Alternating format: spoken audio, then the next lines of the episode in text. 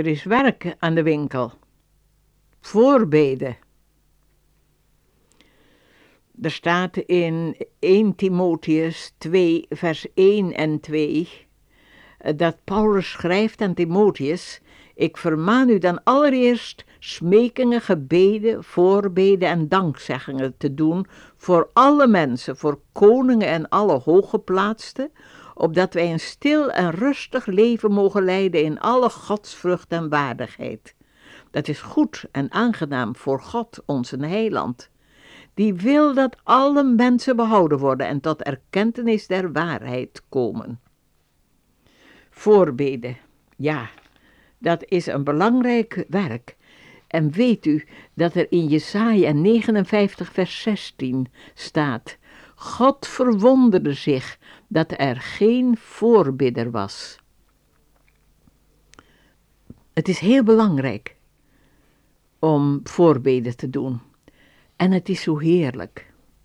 Ik herinner me dat Betsy en ik eens in het Hollandse concentratiekamp Vught stonden. We waren daar in die gevangenis omdat we Joden gered hadden.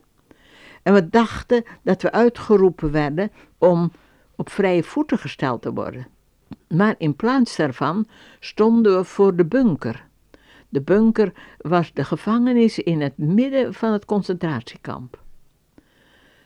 Rechts en links van ons stonden mannen, gevangenen.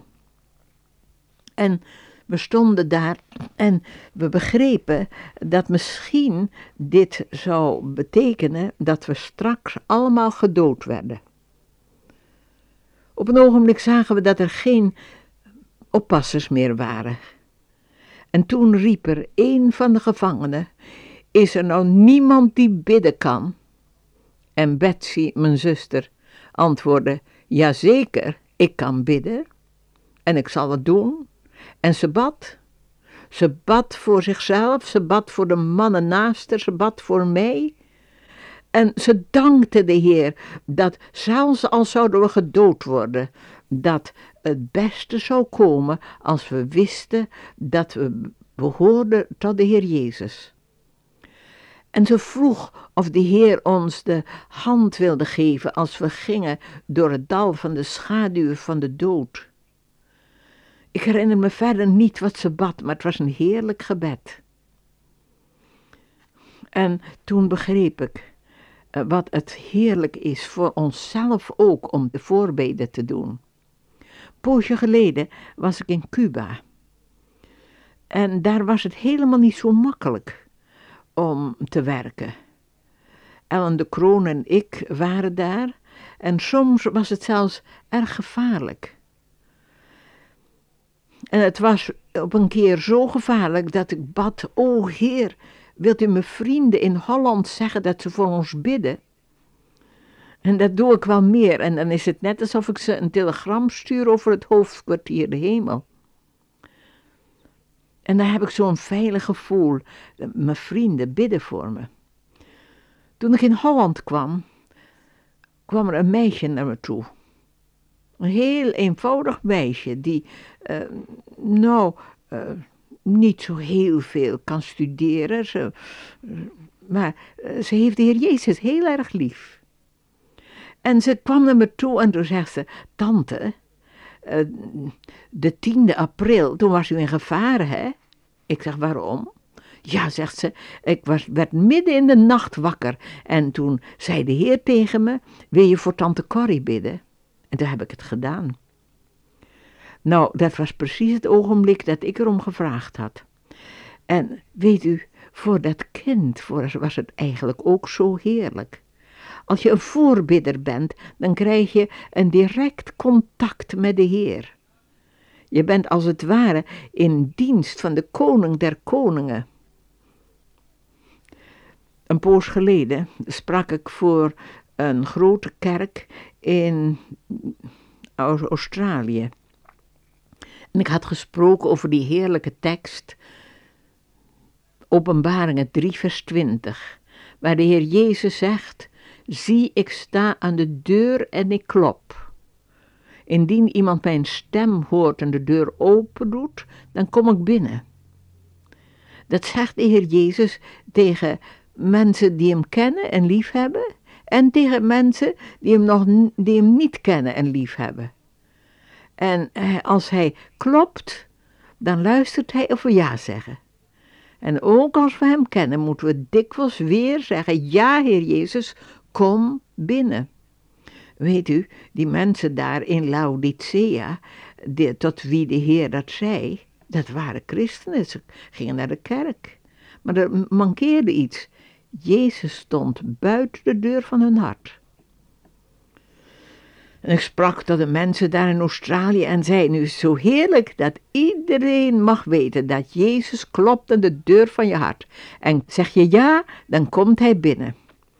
En toen na afloop, toen gaf ik een soort uh, uitnodiging en ik zei, als u nou voor het eerst ja gezegd hebt tot de Heer Jezus, kom dan naar voren en ga dan naar die kamer die hier achter het altaar is en daar zullen we dan met u bidden en u een, een beetje literatuur geven en u de weg wijzen, wat het betekent als je voor het eerst de Heer Jezus gevraagd hebt in je hart te komen. Zeg, kom maar naar voren. De eerste die kwamen waren twee kleine meisjes. En ze hadden niks begrepen van die eh, kamer daar achter het altaar, dus bleven ze staan vlak voor me. En een zei tegen me: Ben ik te klein om Jezus te vragen in mijn hart te komen? Ik zei wel: Nee, je bent helemaal niet te klein. Ik was vijf jaar toen ik vroeg de Heer om in mijn hart te komen. En hij kwam en hij heeft hem nooit, nooit alleen gelaten. Hij is altijd bij me gebleven en dat is heel lang geleden. En de Heer Jezus die is zelfs geïnteresseerd in de musjes. En jij bent veel groter dan een musje. En toen zei die kleine meid, Heer Jezus, ik ben erg stout geweest. Maar wilt u in mijn hart komen en het rein maken, helemaal rein maken met uw bloed? Amen. Oh, het was eigenlijk zo enig. Iedereen verstond wat die kleine meid zei. En ik weet zeker dat de Heer kwam. Net zo als hij, dat hij in uw hart komt als u ja zegt. Ja, Heer Jezus, kom in mijn hart. Ik zei tegen dat andere kleintje, wil jij het ook doen? En zij zei, ik deed het veertien dagen geleden. En na die tijd heb ik alle dagen voor Mary gebeden. En nou heeft Mary het gedaan. Ik zei, dan moet je samen voor een derde meisje bidden.